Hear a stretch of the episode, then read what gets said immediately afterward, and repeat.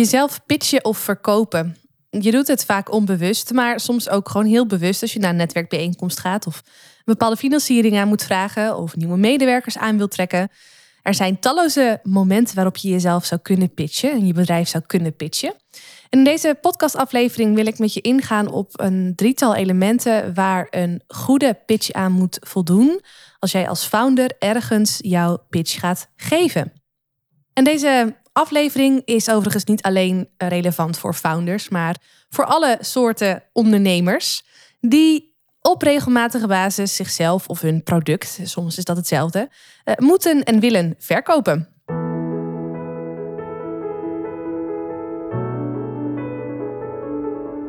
Mijn naam is Marije Wielenga. Is presenteren voor jou van essentieel belang om succesvol te zijn? Zakelijk, publiekelijk of persoonlijk? Dan is deze podcast Stralend Presenteren voor jou. Als Nederlands kampioen in speechen daag ik je uit om boven de saaie zakelijke presentatiestandaard uit te stijgen. En meer dan dat nog, om boven je eigen standaard uit te stijgen. Blijf luisteren om te leren hoe.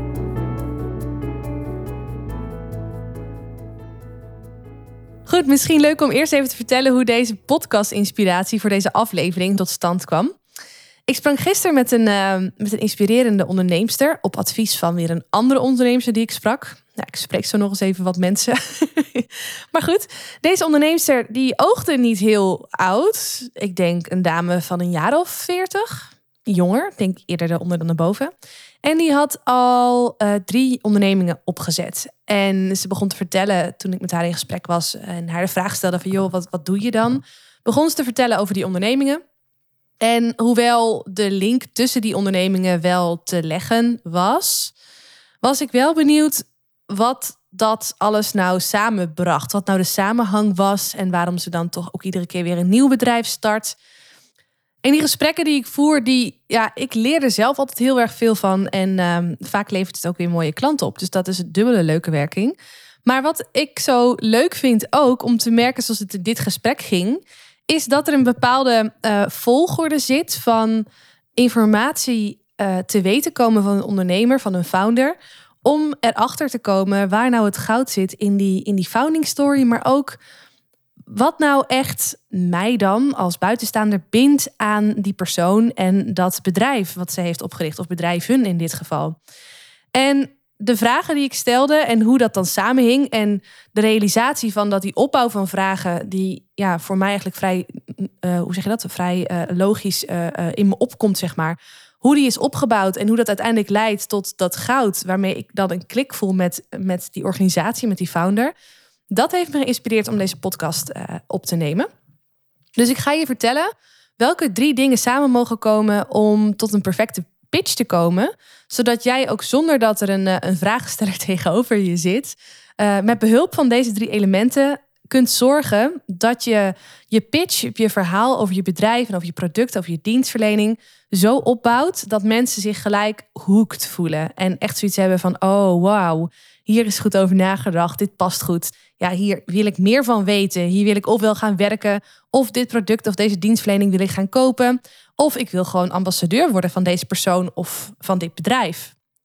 Nou, voor mij in zo'n gesprek met zo'n ondernemer, met zo'n founder, ja, gebeurt het eigenlijk vrij organisch dat we eerst gewoon eens even kennis maken. Waarop al heel logischerwijs volgt wat die persoon doet met de ondernemingen of onderneming die hij of zij heeft.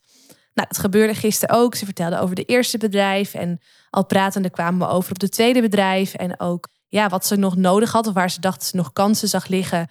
Als ze dus meer met founding stories ging doen. Ook voor haar derde bedrijf dan weer. Waarin het eerste en het tweede weer een beetje samenkwamen. Nou, je voelt hem al. Dit klinkt super abstract nog. En hoewel zij natuurlijk wel wat specifieker was over wat ze deed en hoe dat eruit zag. Klonk het voor mij nog niet eh, heel veel anders dan gewoon een volgend mooi bedrijf waar ik verder niet per se iets mee heb. Ja, dus, dus laten we eventjes nu de conclusie trekken dat, dat het verhaal van jouzelf, jouw pitch, bevat dus wel degelijk een antwoord op de vraag van wat doe je eigenlijk met je bedrijf? Wat is het wat je, uh, wat je maakt, wat je produceert, wat je verkoopt? Uh, ja, wat, wat, wat doe je? In het gesprek, en eigenlijk in alle gesprekken, komt al heel snel de vervolgvraag van joh, maar waarom doe je dit dan precies? En die waarom heb ik het al vaker over gehad in mijn podcastafleveringen. De Golden Circle van Simon Sinek. Als het de eerste keer is dat je daarover hoort, dan adviseer ik je om ehm, nog even mijn eerdere podcastaflevering te luisteren. Ik ga even voor je kijken welke dat is. Nou, aflevering 23 gaat heel erg over mijn waarom. En aflevering 24 gaat over waarom je jouw founding story in wil zetten. En ook dat is heel erg gelieerd aan uh, de waarom-vraag en de theorie van Simon Sinek over de Golden Circle. Dus die twee afleveringen adviseer ik je om te luisteren als het de eerste keer is dat je mij hoort praten over de Golden Circle en de waarom-vraag, waarom je doet wat je doet. Maar goed, even terug naar dat gesprek. Dus um, dan komt het vrij logisch, net zoals gisteren, dat ik, uh, dat ik de vraag stel: maar goh, waarom doe je dit dan? En gelukkig hebben de meeste ondernemers daar al vaker over nagedacht. Want het ondernemerschap komt je toch vaak niet zomaar aanwaaien. Bij sommige mensen wel, hè. Die, die zijn gewoon geïnspireerd en die zijn gewoon aan de slag gegaan. En die waarom-vraag, die komt dan later. Alleen sommige mensen zijn echt heel gepassioneerd gestart met hun bedrijf vanuit die waarom. En die hebben het vaak al wel duidelijk voor ogen en die kunnen het vaak ook heel goed vertellen. Nou, zo ook deze vrouw van gisteren. Heel concreet luidt hij namelijk: Ik wil de wereld redden. En ze zegt, ja, ik kan het tegen jou nu zo zeggen. Eén op één zeg ik dat wel vaker. Maar ik kan hier niet zoveel over delen. Omdat als ik dat zo deel, dan snappen mensen dat niet. Er is meer tekst en uitleg voor nodig. Maar ze zegt waar het op neerkomt, is dat ik het toegankelijker wil maken. Dat ik het mooier wil maken. Dat ik de mensen op de wereld meer tot bloei wil laten komen. En op dat moment, zo ook in het gesprek van gisteren, dacht ik: wauw, dit is wel echt een, um, echt een, een, een groot doel. Een, groot, ja, een grootse visie waar jij iets aan bij wil dragen. En ik kan het dan ook, of ik kon het gisteren ook zeker rijmen met dat wat ze dan doet. Soms is dat heel duidelijk en soms ook niet. Hè? Daar heb ik ook wel eens een keer interessante gesprek over gehad. Dat iemand uh, over zijn why vertelde. En dat ik echt dacht van, uh, jeetje, uh, hoe dan? Um, daar is trouwens ook een mooie video over. dat gesprek wat ik laatst met iemand had... naar aanleiding van een uitnodiging in zijn podcast. Dit was een podcast over, over sales... En ik was al verbaasd dat ik daarin mocht komen, want ik zie mezelf niet per se als een sales professional, hoewel sales natuurlijk wel onderdeel is van mijn werk. Maar hij wilde mij graag uitnodigen om te praten over presenteren in relatie tot sales voor de salesmens voor wie hij deze podcast opneemt. En even off record, tenminste, dat dacht ik, hadden wij een, eh, gesprek waarin het zo ontstond dat ik hem een beetje ging coachen omdat het mij niet zo duidelijk was wat nou de relatie was tussen wat hij doet, onder andere met die podcast, en zijn grote waarom in het leven. Want hij deelde namelijk met mij dat zijn grote waarom is dat hij van mensen machines wil maken. Klinkt heel een beetje raar zo. Je moet de context even snappen. Dus nogmaals, ik zal even een uh, linkje naar die, uh, wat is het, acht minuten durende video eventjes in de show notes opnemen bij deze aflevering. Want uh, wat ik net zei, dit gesprek was in principe off-record bedoeld. Alleen ik was helemaal verbaasd toen hij dat toch op LinkedIn plaatste een weekje later met de tekst: Soms wordt de coach gecoacht. nou, ik was een beetje verbaasd, maar het, ja, wel verrast op een leuke manier, omdat het wel echt, ik zag het nog eens even terug. Het was wel echt een heel goed gesprek. En dit gesprek is echt een heel duidelijk voorbeeld van iemand die wel goed weet uh, waarom hij doet wat hij doet. Alleen wat wat meer tekst en uitleg vergt om te snappen als je dat wilt terugbrengen naar ja, wat hij dan precies doet in de praktijk. Wat zijn dienstverlening is, wat zijn product is. Goed, dus even terug naar dit gesprek. Uh, de tweede, het tweede onderdeel, wat dus heel belangrijk is om in je pitch terug te laten komen, is het antwoord op de vraag waarom jij doet wat je doet. Voor welk goede doel, voor welk hogere doel jij doet wat je doet. Wat vind jij belangrijk in het leven, in de wereld, waar jij graag een bijdrage aan wil leveren met jouw product of met jouw dienstverlening. En deze combinatie van, hè, van die twee dingen, dus dat wat het bedrijf doet de producten en diensten en de waarom van de founder of van ja, in ieder geval de, de, de grondleggers van het bedrijf, maakt een founding story vaak al uniek, maakt een pitch ook al uniek.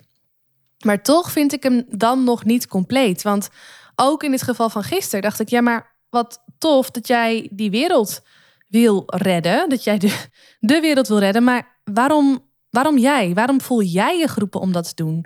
Wat is de reden geweest wat is jou overkomen dat jij het gevoel hebt dat, dat deze opdracht voor jou is weggelegd in het leven? Nou, en toen kwam natuurlijk het staartje. En dat maakte het hele verhaal compleet. En dat maakte ook dat ik dacht: ja, maar nou begrijp ik het. En nou voel ik hem echt. En nou ben ik echt super excited. Gewoon om dit hele verhaal, omdat daarin alles samenkomt. Dus dat wat ze doet, daar waarom ze dat doet, maar ook vooral waarom ze dit zelf is gaan doen. Waarom zij de aangewezen persoon is om aan deze missie te werken, om aan deze waarom te werken. En bij haar was dat ook heel erg duidelijk. Ik ga gewoon even iets, iets ja, het voelt dat een beetje moeilijk om uh, wat concreter te zijn over de, de voorbeelden, aangezien er natuurlijk ook mensen achter zitten en ik uh, mensen geen ongemakkelijk gevoel wil geven. Maar ik denk dat ik het in deze wel een beetje kan, um, kan schetsen, iets duidelijker kan zijn. Zij uh, werkt in het sociaal domein, onderwijs met kinderen, heeft daar diverse uh, ja, bedrijven dus ook in, waarmee ze dus cliënten helpt met een, met een team. Het zijn echt verschillende bedrijven. En ze vertelde dat ze deed. Nou, dat was dus heel mooi. En toen vroeg ik waarom ze dat deed. Ze zei, ja, ik wil graag de wereld redden. En toen dacht ik, ja, dat is dus ook heel mooi. Maar waarom wil jij dat dan doen? En toen vertelde ze het verhaal dat zij zelf als kind geadopteerd is ooit. En dat dat haar echt fantastische kansen heeft geboden hier in Nederland. Omdat haar uh, oorspronkelijke thuisland als ze daar was gebleven, niet geadopteerd was, had haar leven er gewoon heel anders uitgezien. Hier in Nederland heeft ze een hele goede opleiding genoten, is ze dus ondernemer geworden. Ja, ze, ze, heeft, ze leeft gewoon heel gelukkig. En heel regelmatig zegt ze, sta ik wel stil bij het feit dat, dat ik deze kansen heb gekregen, maar ook dat ik ze heb aangepakt. En vervolgens ging het gesprek daarover, want dit was nog niet eens de clue van waarom zij dit doet. Maar de clue was meer dat zij zich heel erg realiseerde. Ze noemde zichzelf een, een bounty. Dus aan de buitenkant donker en van binnen uh, uh, licht. Ik, hoop dat ik de juiste termen gebruik om niemand uh, voor het hoofd te stoten. Ik bedoel het in ieder geval heel goed. ik ga er even vanuit dat je dat begrijpt. Als ik dan toch niet de juiste termen gebruik. Waar zij last van heeft, is, um, of last van heeft gehad in ieder geval, is dat ze zich soms niet echt Nederlander voelt. Omdat ze weet dat ze oorspronkelijk hier niet vandaan komt. Maar ze voelt zich ook zeker niet, uh, zij komt uit Indonesië. Zij voelt zich ook niet Indonesisch per se, omdat ze dus hier is geboren en getogen en de taal vloeiend spreekt. Dus de taal vandaar spreekt ze helemaal niet. Dus ja, ik vertelde dat even in dat gesprek uh, naar een soort identiteitscrisis. Van, maar waar hoor ik nou bij? Ik hoor niet helemaal hier. Ik hoor ook zeker niet helemaal daar. Maar waar hoor ik dan wel bij? En uh, ook in relatie tot andere mensen vandaar. Ja, wie ben ik nou? En mij deed dat heel erg denken aan mijn, uh, mijn buurman. Ik heb hier een buurman in Zwolle wonen. En dat is een Turkse man. Tenminste, zo zag ik hem altijd. En hij heeft ook eens een keer met ons gedeeld dat hij zich niet per se Nederlands voelt. Hoewel hij hier wel is geboren en getogen. Zijn ouders zijn naar Nederland gekomen als, als arbeidsmigranten. Maar hij weet niet beter dan dat dit zijn thuisland is. Alleen, ja, hij is wel Turks. heeft Turkse ouders. Komt uit Turkije. Tenminste, zijn ouders komen uit Turkije. Dus je zou hem ook Turks kunnen noemen, zoals ik dat dus net deed. Maar hij ziet zich dus niet echt als Turk. Maar hij ziet zich ook niet echt als een Nederlander. Dus hij noemt zichzelf nu maar gewoon Zwollenaar. Ik ben een Zwollenaar. Want dat, dat klopt dan voor hem wel helemaal. Maar ook hij heeft dus ook in zijn leven wel verschillende um, ja, identiteitsissues gehad. En dan klinkt het heel zwaar. Misschien hoef je het niet zo zwaar uh, te nemen. Maar ik denk dat je je wel kunt begrijpen wat ik bedoel. En ik stond hier zelf als Nederlandse, hier geboren en getogen met Nederlandse ouders, nooit zo bij stil. Maar ik kan me wel heel goed voorstellen dat mensen met deze achtergrond, zoals de dame die ik sprak gisteren, maar ook mijn buurman dus, deze uh, ja, issues tussen twee haakjes uh, ervaren of hebben ervaren op enig moment in hun leven. En weer even terug naar dat gesprek van gisteren. Toen zij dus vertelde over het feit dat ze dat wel eens lastig vindt. Dat ze zichzelf dus nooit ergens echt bij voelt horen. Omdat ze nooit echt ergens bij past. En dat ze daarom zo'n behoefte voelde, maar ook nog steeds voelt om te zorgen dat mensen voor wie dit nog meer opgaat, dat ze zich veilig voelen, dat ze zich welkom voelen, dat ze zich inclusief voelen, dat ze zich begrepen voelen. Nou, dat is voor haar de reden geweest om te doen wat ze doet. Dat is voor haar de reden geweest om te zeggen: ik wil de wereld toegankelijker maken. Ik wil de wereld redden. En toegankelijker past dan misschien nog net even wat beter bij eh, de inclusiviteit waar zij naar streeft. En inclusiviteit, en dat vond ik ook wel weer heel erg mooi, gaat niet per se over achtergrond en cultuur. Want zij werkt namelijk ook met, met mensen in een rolstoel bijvoorbeeld. Um, en zij werkt bijvoorbeeld ook met mensen die juist mentaal een bepaalde nou, andere sticker hebben, hoogbegaafd zijn bijvoorbeeld. Dus die inclusiviteit die, die komt op meerdere uh, vlakken voor. En toen dit staartje kwam aan ons gesprek, dus dit derde element werd toegevoegd eigenlijk aan de pitch die ik zo al vragende uit haar trok. Daar kwam het eigenlijk op neer. Viel alles op zijn plek en voelde ik dus echt van wauw, nou snap ik het. En kon ik ook echt de volle waardering uh, voelen voor haar werk en voor wat ze doet en hoe ze in het leven staat en waarom ze dat ook allemaal zo doet. En dat vind ik super gaaf om te merken, dat, dat, dat, dat het dan allemaal op zijn plek valt. Dus om het nog even samen te vatten, komt het dus op zijn plek in een pitch als je zorgt dat je, als je dus niet uitgevraagd wordt, dat je allereerst, of niet allereerst, maar dat je in ieder geval vertelt wat het is wat je doet, hè, je, product of dienst. Dus wat is datgene uh, wat je bedrijf levert. Dan ook uh, gecombineerd met het antwoord op de vraag waarom je bedrijf dit doet, of waarom jij dit als founder hebt willen doen. Hè, wat, wat het uiteindelijk het doel is geweest waarom je dit hebt uh, opgericht. En voor de een ligt dat heel diep en heel um, maatschappelijk en heel uh, ja, wereldverbeterend. En voor de ander is het gewoon wat, wat, ja, wat, wat op, oppervlakkiger. Weet je, dat hoeft allemaal niet heel zwaar en tranentrekkend te zijn. Maar de derde vraag, die uh, minstens ook beantwoord moet worden, is de vraag van waarom voel jij je dan geroepen om hier aan te werken, om, om deze why als jouw why aan te zien? Wat is jouw relatie daarmee? Waar zit jouw persoonlijke pijn of waar heeft jouw persoonlijke pijn gezeten? Om te willen zeggen, hier wil ik, uh, hier wil ik wat mee doen, hier wil ik voor de wereld wat mee doen. Dus die drie elementen zijn wat mij betreft van essentieel belang als jij mensen wil raken. Als jij wil dat jouw toehoorders begrijpen wat je doet en niet alleen aan de oppervlakte in product of dienst, maar ook echt Ehm, in, in wat je heeft bewogen of wat je beweegt om dit te doen. En ook om echt verbinding te maken met mensen. Want uiteindelijk, weet je, er zijn altijd mensen die, die, die echt nu zitten te wachten op dat wat jij biedt. Hè? Dus, dus in haar geval iemand die bijvoorbeeld hoogbegaafd is, of een hoogbegaafd kind heeft. En denk, ja, maar ik, ik moet bij jou zijn, want, want ik heb daar een oplossing voor nodig. Of ik, ik heb daar hulp bij nodig. Kun je me daarbij helpen? Kijk, dat, dat, dat zou in haar geval kunnen zijn. Maar in haar geval is het minstens zo belangrijk dat zij ambassadeurs om zich heen uh, creëert. Een fanbase noemden ze dat letterlijk. Om te financieren wat zij doet. Om te kunnen financieren wat ze doet. Om dit te kunnen betekenen voor de maatschappij. En dus ook weer andere mensen voor wie haar product of dienst nu wel uh, als geroepen komt, hè, dat die dan via die ambassadeurs alsnog bij haar terechtkomen.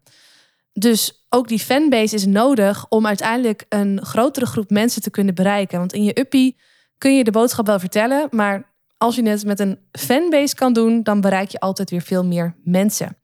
Dus als je echt met jouw pitch mensen wil roeren en ja, een, een diepere relatie aan wil gaan en niet alleen wil zorgen om te verkopen, maar ook gewoon om ja, verbinding te maken op een dieper niveau en dus ook een langdurig effect daarvan te ervaren, dan zul je jouw pitch moeten baseren op die drie vlakken, op die drie vragen die daarin dan beantwoord mogen worden. Dat is het. Dat is waar, wat mij betreft, een goede pitch aan, aan moet voldoen als je mensen echt wil, uh, wil bereiken. En dan kan ik me voorstellen dat, dat je dan nog steeds op zoek bent naar die praktische kant van hoe doe je dat dan? Een goede pitch voorbereiden, een goede pitch opbouwen. Um, of überhaupt een goede presentatie geven waarin ook die elementen terugkomen. Nou, als je daar nieuwsgierig naar bent, dan wil ik je uitnodigen om even contact met mij op te nemen. Want waar ik jou bij kan helpen is om te zorgen dat jouw founding story wordt verteld, zodat je daarmee meer klanten aantrekt en of ambassadeurs aantrekt en of medewerkers aantrekt. En goed om daar nog even bij te benoemen, als we het dan toch hebben over de vrouw die ik gisteren sprak. Je hoeft echt niet de droom te hebben om ergens als spreker groot te staan. Gewoon om het spreken aan zich te ambiëren. Om met founding stories aan de slag te kunnen gaan. Sterker nog, de, de mensen die ik veel spreek en die ik help, die ook klant mij worden, zijn vaak mensen die niet per se op de voorgrond hoeven staan, maar omwille van dat wat zij de wereld te bieden hebben, toch wel inzien dat het delen van hun founding story gewoon echt nog een extra uh, laag toevoegt aan hun marketing. Op persoonlijk niveau, maar ook zeker op het gebied van, van hun bedrijf, van hun product of hun dienst. En dat we samen ook een podium kunnen creëren wat bij hun past. Dus als jij als founder denkt, ja, maar ik wil best mijn verhaal vertellen, maar ik zit er echt niet op te wachten dat ik dat voor een, uh, een zaal van duizend man moet doen als spreker, waarbij ik dus ook uh, commercieel ingehuurd kan worden, dan is het nog steeds interessant om met elkaar in gesprek te komen om te kijken welk perspectief ik voor jou zie, waar ik voor jou mogelijkheden zie om ook je verhaal te kunnen doen als founder. Op een manier die dus wel bij je past, die wel integer voelt, waarbij jouw persoonlijkheid ook gewoon goed tot z'n recht komt. Um, en daarmee dus ook alsnog jouw bedrijf extra kan floreren, omdat je nu dit verhaal laat horen. Nou, ben je nieuwsgierig daarnaar, dan kun je uh, even contact met mij opnemen. Een link naar een contactformulier vind je in de show notes bij deze aflevering. En dan hoop ik je graag te spreken. Ik ben onwijs benieuwd naar jouw founding story en ook naar hoe de drie elementen die ik in deze podcast uh, heb opgesomd voor jou samenkomen. Zodat we samen uh, met het vertellen van dit verhaal kunnen zorgen dat je ofwel meer medewerkers, ofwel meer klanten, ofwel meer ambassadeurs aantrekt voor jouw bedrijf. Ik wens je een hele fijne dag en graag tot de volgende aflevering. Is deze podcast waardevol voor je? Abonneer je dan op mijn kanaal om geen aflevering te hoeven missen. En als je dan toch bezig bent, geef je hem ook even 5 sterren via Apple Podcasts. Zou ik echt enorm waarderen. Dankjewel. Onthoud, je drinkt niet door met woorden, maar wel met het gevoel dat je de ander geeft. Tot de volgende aflevering. Doeg!